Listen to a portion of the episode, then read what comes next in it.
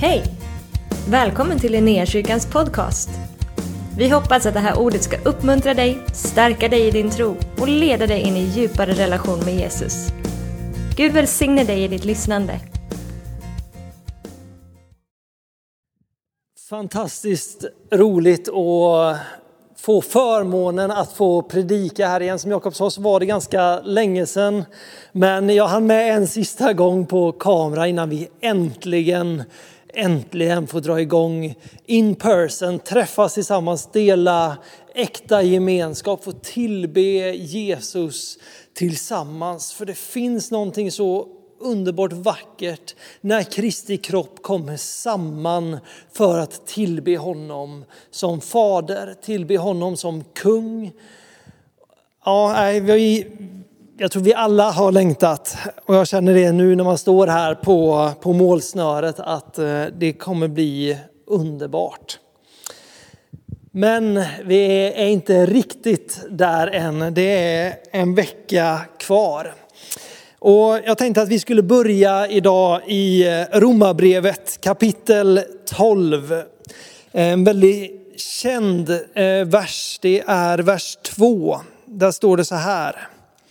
Och anpassa er inte efter den här världen utan låt er förvandlas genom sinnes förnyelse så att ni kan pröva vad som är Guds vilja, det som är gott och fullkomligt och som behagar honom.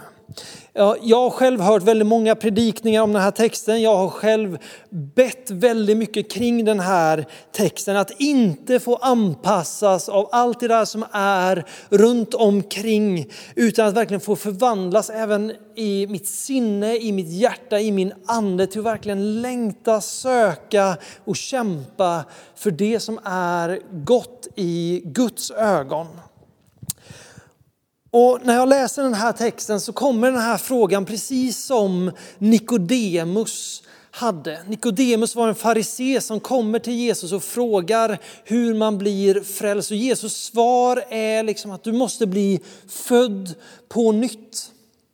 För Nikodemus, en lärd man, så låter det här obotligt korkat.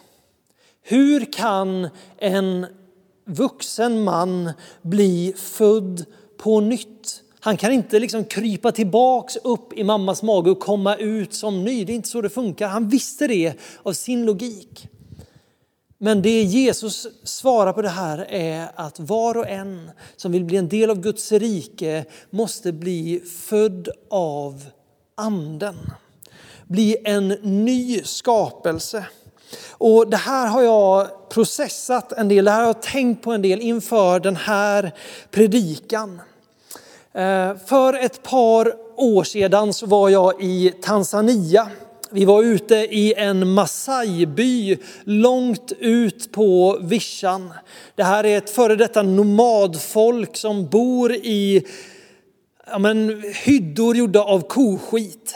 Hela deras förmögenhet ligger i deras boskap. Eh, det finns ingen hygien att prata om. Eh, man har inga fönster i hyddorna så det är bara rök och mörkt där inne. Och så kommer vi ett gäng ungdomar ifrån Sverige dit och de ställer till fest för oss. De samlar liksom alla bosättningar i området runt omkring och alla hjälps åt för att egentligen göda oss. För att se till så att vi fick det bästa de hade. Och för oss då som kommer från ett eh, iland, från ett samhälle där det inte egentligen behöver gå någon nöd på oss. Vi kan äta mer än en chipspåse i veckan. Eh, så blir det egentligen svårt när man möter de här människorna som har så lite, som lever så enkelt, som liksom slaktar sin boskap, sin förmögenhet för att kunna servera oss någonting. Men för dem var det helt naturligt. I deras kultur så var det normalt därför vi var gäster och sättet som de bemöter gäster på var på ett så storslaget sätt man bara kunde. Och jag har varit ute lite i världen under åren och jag märker att varje gång man kommer till ett nytt land så märker man direkt att oj, det här är en kultur som jag inte är van vid. Man märker att det är väldigt lätt att liksom vara med om kulturkrockar. Jag var i, i Indien för ett par år sedan och är ute med ett team där. Och en dag så kommer min ledare fram till mig och säger Benjamin, du måste gå och be om ursäkt till den här tjejen från Indien.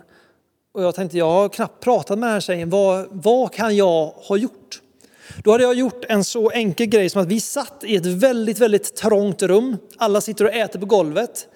Jag har disktjänst, så jag måste liksom ut och förbereda i köket. Så jag liksom sneddar genom rummet. Och utan att jag ens har reflekterat över det så har jag trampat, liksom tagit ett kliv över hennes tallrik. Och i deras kultur så var det ja, en jätteskymf att kliva över någons tallrik med mat. Det här liksom fanns inte ens i min världsbild. Och jag tror det är även så i Sverige att det räcker med att man kommer in i ett nytt sammanhang eller på en ny plats där man märker att oj, den här gruppen fungerar lite annorlunda från min vanliga gemenskapskrets. Pratar lite annorlunda, de beter sig lite annorlunda, de har en eh, intern humor. Jag tycker det är väldigt roligt när man kommer till kyrkan, man märker att eh, alla börjar prata lite på samma sätt. Jag märker att jag börjar snappa upp vissa av eh, Visas citat och jag börjar ta några av Jakobs citat och så blir det liksom en Linnea-blandning av alltihop.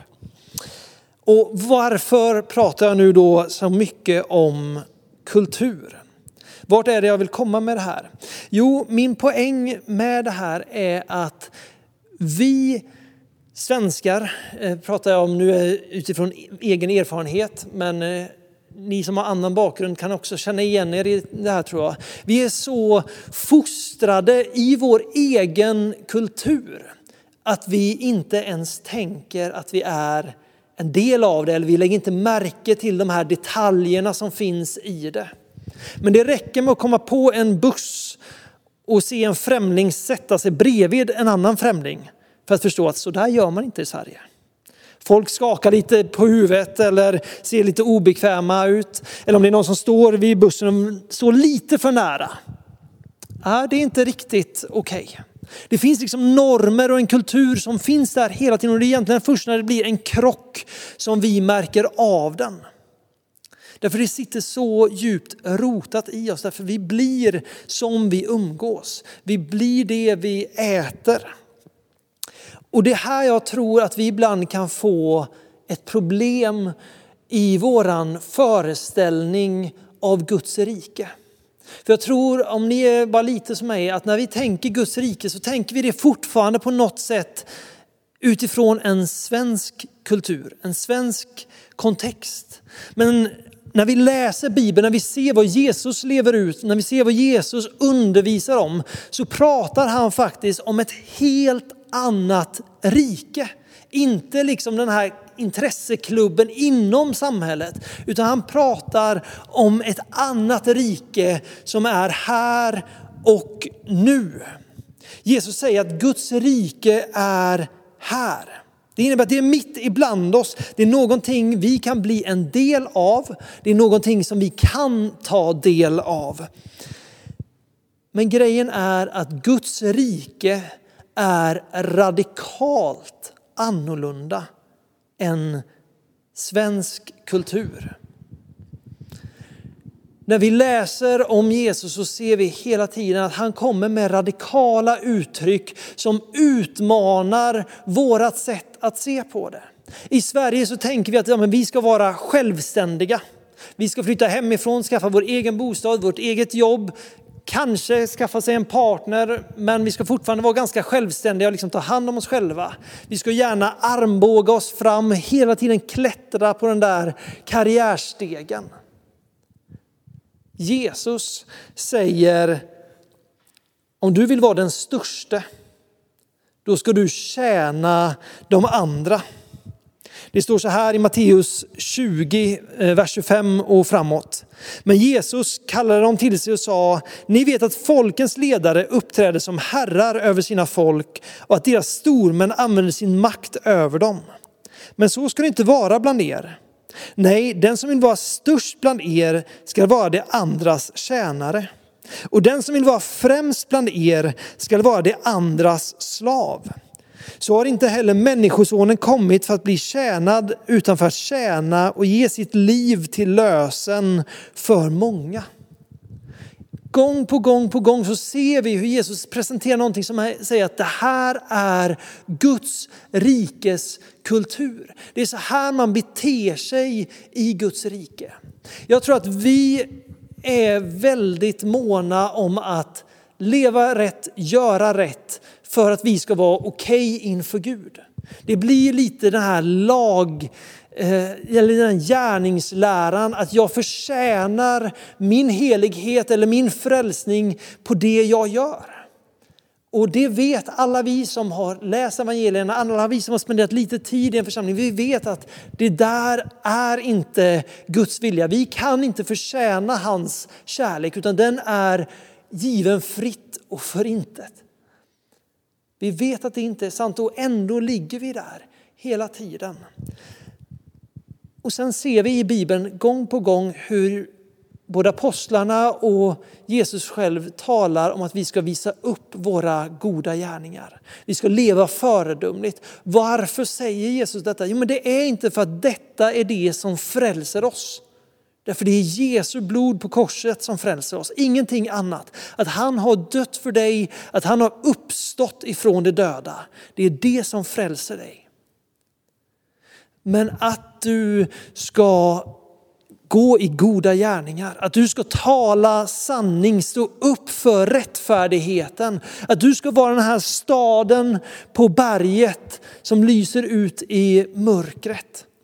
Det är därför att från och med den dagen då du säger ditt ja till Jesus så blir du upptagen i hans familj, du blir en del av hans rike. Och Paulus säger till och med att du blir en ambassadör för Guds rike.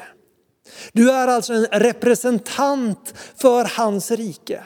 Dina handlingar frälser dig inte, men den visar hela tiden för människor runt omkring hur Guds rike tar sig i uttryck. För du och jag, vi är en del av det riket. Men det finns en kultur där som vi behöver på något sätt anpassa oss efter. Jag tror att det är där på något sätt som helgelsen kommer in i att vi blir mer och mer lika Jesus. För det högsta målet, den största förebilden i Guds rike, det är Jesus. Att vi får bli mer och mer lik honom. Så när vi väljer att stå upp för det som är rätt, när vi väljer att faktiskt stå fast vid sanningen, även om det kanske just i det här fallet hade gynnat mig att ljuga. Då proklamerar det någonting i andevärlden. Det proklamerar någonting rätt in i vår tid, att Guds rike är här. Vi ser gång på gång i bergspredikan så tar Jesus upp, han börjar med saligprisningarna. Jag kan bara läsa de första där eh, så att jag citerar det rätt. Det står så här, saliga är de som är fattiga i anden, de tillhör himmelriket. Saliga är de som sörjer, de ska bli tröstade. Saliga är de ödmjuka, de ska ärva jorden. Saliga är de som hungrar och törstar efter rättfärdighet, de ska bli mättade. Saliga är de barmhärtiga, de ska få barmhärtighet. Saliga är de renhjärtade, de ska se Gud. Saliga är de som skapar frid, de ska kallas Guds barn och så vidare. Jesus radar här upp på något sätt kännetecken av människor och säger att saliga är dessa, för de tillhör himmelriket. Det är karaktärsdrag på något sätt som visar normen i Guds rike. Jesus som är den största, han som är den främste, han kommer och vad gör han? Han hänger en handduk runt sin midja, han böjer sig ner och han tvättar sina lärjungars fötter. Han väljer att gå, han väljer att ödmjuka sig och tjäna någon annan. I Guds rike så är nåden en del av Guds rikes kultur.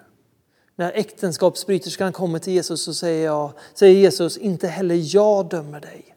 Men gå och synda inte mer. Det står så här i Lukas kapitel 6, det är också från, från bergspredikan, vers 27 och framåt. Men till er som lyssnar säger jag, älska era fiender och gör gott mot dem som hatar er. Välsigna dem som förbannar er och be för dem som förorättar er. Vers 37. Döm inte och ni ska inte bli dömda. Fördöm inte och ni ska inte bli fördömda. Förlåt och ni ska bli förlåtna. Ge och ni ska få. Ett gott mått, packat, skakat och rågat skall Gud ge er i famnen. Ty med det mått som ni mäter skall det mätas upp åt er. Vi ser här, det är någonting som är radikalt annorlunda. Vi brukar prata om the upside down kingdom. Alltså det upp och nervända riket. Det handlar inte om att den som är störst, bäst och vackrast kommer synas och få platsen, utan det är den som väljer att tjäna allra mest. Det är han som Gud kommer att lyfta upp. Det Guds rike säger är att om du ger så ska du få. I vår kultur handlar det om att lägga så mycket som möjligt på lager för att vi ska kunna få den där semestern vi längtar efter. Eller i mitt fall just nu den där bilen som inte bara går sönder utan en ny fin bil. Jakob skrattar här inne för han vet att min bil är snart körd. Men det finns någonting annorlunda. Det finns en kultur i Guds rike.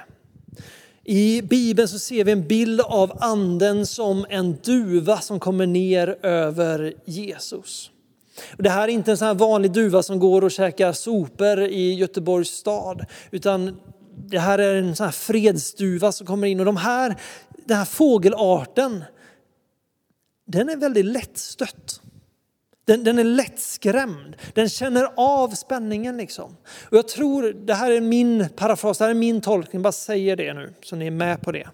Men jag tror att när den här duvan kommer, när den heliga ande kommer, så kommer han direkt ifrån himmelriket. Han kommer med Guds rike. När vi väljer att leva av den här världen, eller för att göra det enklare, leva våran svenska kultur fullt ut som går i clinch med vad Guds rike står för, då blir det en kulturkrock där. Och den heliga ande, han längtar, han manar, han försöker hela tiden leda oss till den platsen där vi får formas in i Guds rike. Där vi får sinnets förnyelse, precis som vi var inne på med Nikodemus förut. Att vi får bli födda på nytt. Där vi inte längre börjar tänka som den här världen. Vi börjar inte agera som den här världen. Vi söker inte vinning på samma sätt som den här världen. Utan vi söker först Guds rike. Och så litar vi på det Jesus säger att om ni söker först Guds rike, då kommer ni få så ni klarar er också. Men det är inte först jag, mitt och mina, min bekvämlighet, min lyx, utan det är hans rike. I vår kultur, jag vet att Lovisa har pratat om det här många gånger, så tror jag att i svensk kultur, i ett ganska sekulärt land, där har vi en tendens till att dela upp det andliga och det sekulära. Det andliga, det gör vi i kyrkan på söndag. Det sekulära, det gör jag på min arbetsplats. Det gör jag kanske hemma i min familj eller hur det nu är. Jag är kristen tydligt i kyrkan. Jag är anställd på mitt jobb. Different cases. Men när vi ser Bibeln, när vi läser om Guds rike så blir det tydligt att det andliga och det världsliga det interagerar hela tiden. Det går liksom inte att särskilja det ena ifrån det andra. Det innebär därför att när du är på ditt jobb, när du är i din klass, när du är hemma i din familj, där och då så kan du påverka hela din omgivning genom att anpassa dig efter Guds rikes kultur. Genom att föra in hans ande, hans kraft på den platsen så påverkar det. När eh, Jesus, eh, när han lär lärjungarna att be så säger han Fader, helgat vare ditt namn. Jag tror att det gör någonting när vi helgar Guds namn på vår arbetsplats. Jag tror det gör någonting när vi håller Guds namn som heligt i vår familj. När vi, vare sig det är bön eller om det är något annat uttryck, bara kommer till en plats och säger Jesus, du är helig. Du är värdig, du regerar på den här platsen. Jesus fortsätter med att säga tillkommer ditt rike, eller låt ditt rike komma. Det gör någonting när vi på en plats börjar tänka att Guds rike är här. Guds rikes vilja sker just nu, Guds vilja sker. När vi börjar be på en plats, Gud låt ditt rike träda in här. Man kan bli, göra, det kan bli konkret. Det kan bli Gud du ser allt skvaller. Gud du ser all avundsjuka. Gud du ser all girighet. Vad det än är, all ångest. Gud vi ber att din, ditt rike får komma. För Guds rike det är nåd. Guds rike det är frihet. Guds rike det är frid. Det byter ut rädsla mot glädje.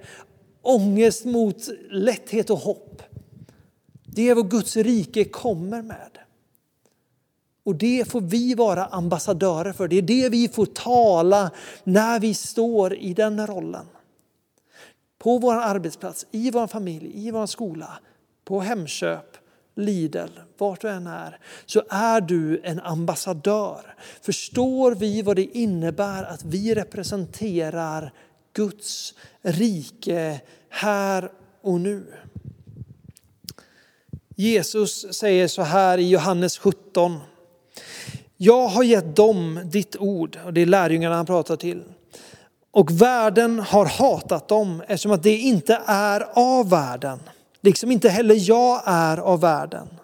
Jag ber inte att du ska ta dem ut ur världen, utan att du ska bevara dem för det onda. Det är inte av världen, liksom inte heller jag är av världen. Vi har fått ett nytt medborgarskap. Vi har fått en ny tillhörighet. Och i, den, i det riket, där är Jesus kung. Där är han fullt ut kung. Han är mäktig, han är allvetande, allsmäktig, allständigt närvarande. Det är den personen, det är det riket som vi får komma till en plats med. Och det är här jag tror att vi måste börja läsa Bibeln på ett nytt sätt. Jesus säger gå ut och predika evangeliumet om att det riket är här. Gå ut och predika att Guds rike är här. Vi är ganska duktiga på att prata om Jesus och det är fantastiskt, det frälser människor. Men Jesus betonar Guds rike för det är det vi är en del av. Det är där vi har vår med, vårt medborgarskap. Det är dit vi är på väg. Och att Jesus säger att Guds rike är nu här. Den engelska översättningen säger att det är för handen, det är bara att sträcka ut och ta det. Där vi får se Guds vilja bryta in och förvandla liv. Det är vad han kommer med. I ett rike där de sjuka blir helade, i ett eh, rike där vi får se de blinda ögonen öppnas, de döva öronen hör, de stumma tungorna talar. Det är ett rike för de fria. Men den här svenska kulturen den sitter i vår ryggrad. Vi är så formade av den. Men jag tror att när, om vi börjar söka Gud, vi börjar studera Guds ord och be Gud visa oss ditt rike. Förnya vårat sinne så att vi ser vad det är som är din vilja. Det kommer inte vara så svårt som vi gör det. Väldigt många av oss bär på så mycket människofruktan. Jag gör det stunder också. Det är inget vi behöver förneka, men vi är så rädda ibland för att kliva ut. Men vi måste, om vi istället börjar säga att jag är en ambassadör för någonting annat. Jag behöver inte alltid ställa mig på en korg på stan och skrika ut namnet Jesus. Man kan göra det om Gud leder oss till det. Men snarare, du är en del av någonting annat. Om du står fast vid det som är rätt och riktigt, om du hungrar i ditt liv efter rättfärdighet, så kommer du bli mättad.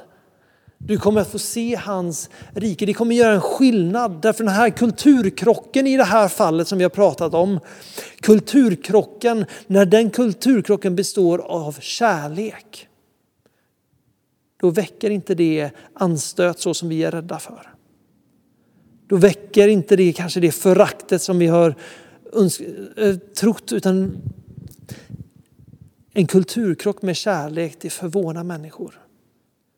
Jag pratade med en kvinna här på jobbet för bara några dagar sedan. Hon bara sa, det finns någonting, en trygghet som du har som jag önskar att jag hade.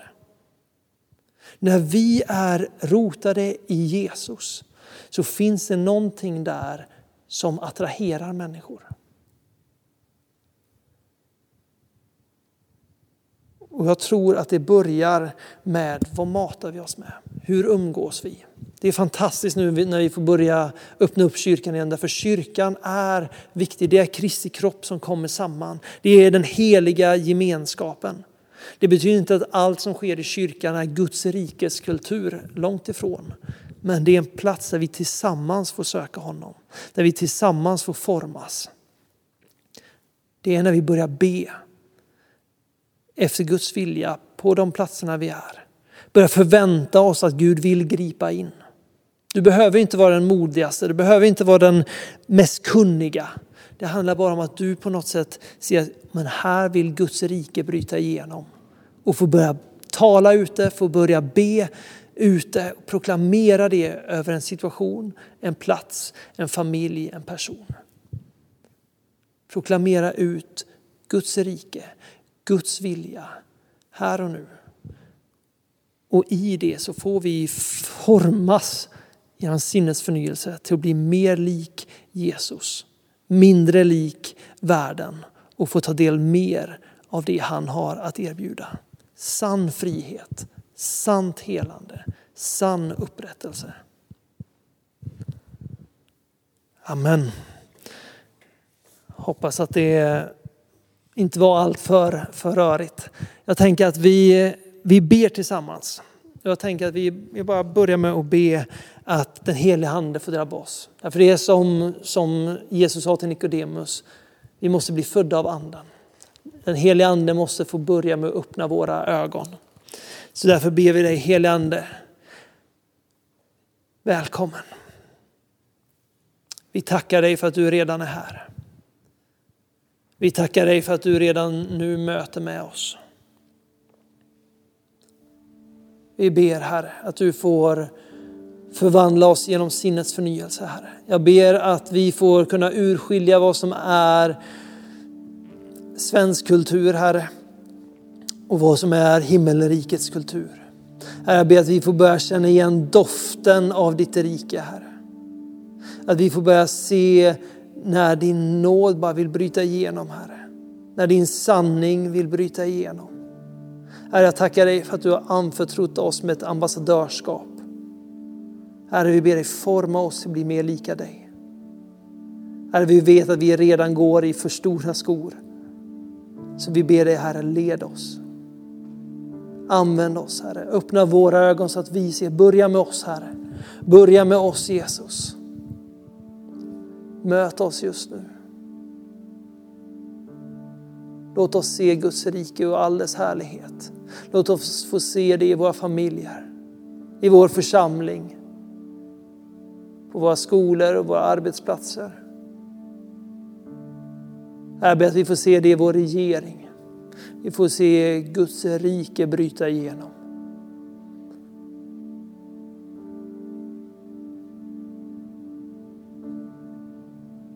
Helige led oss i detta. Led oss vidare, Herre.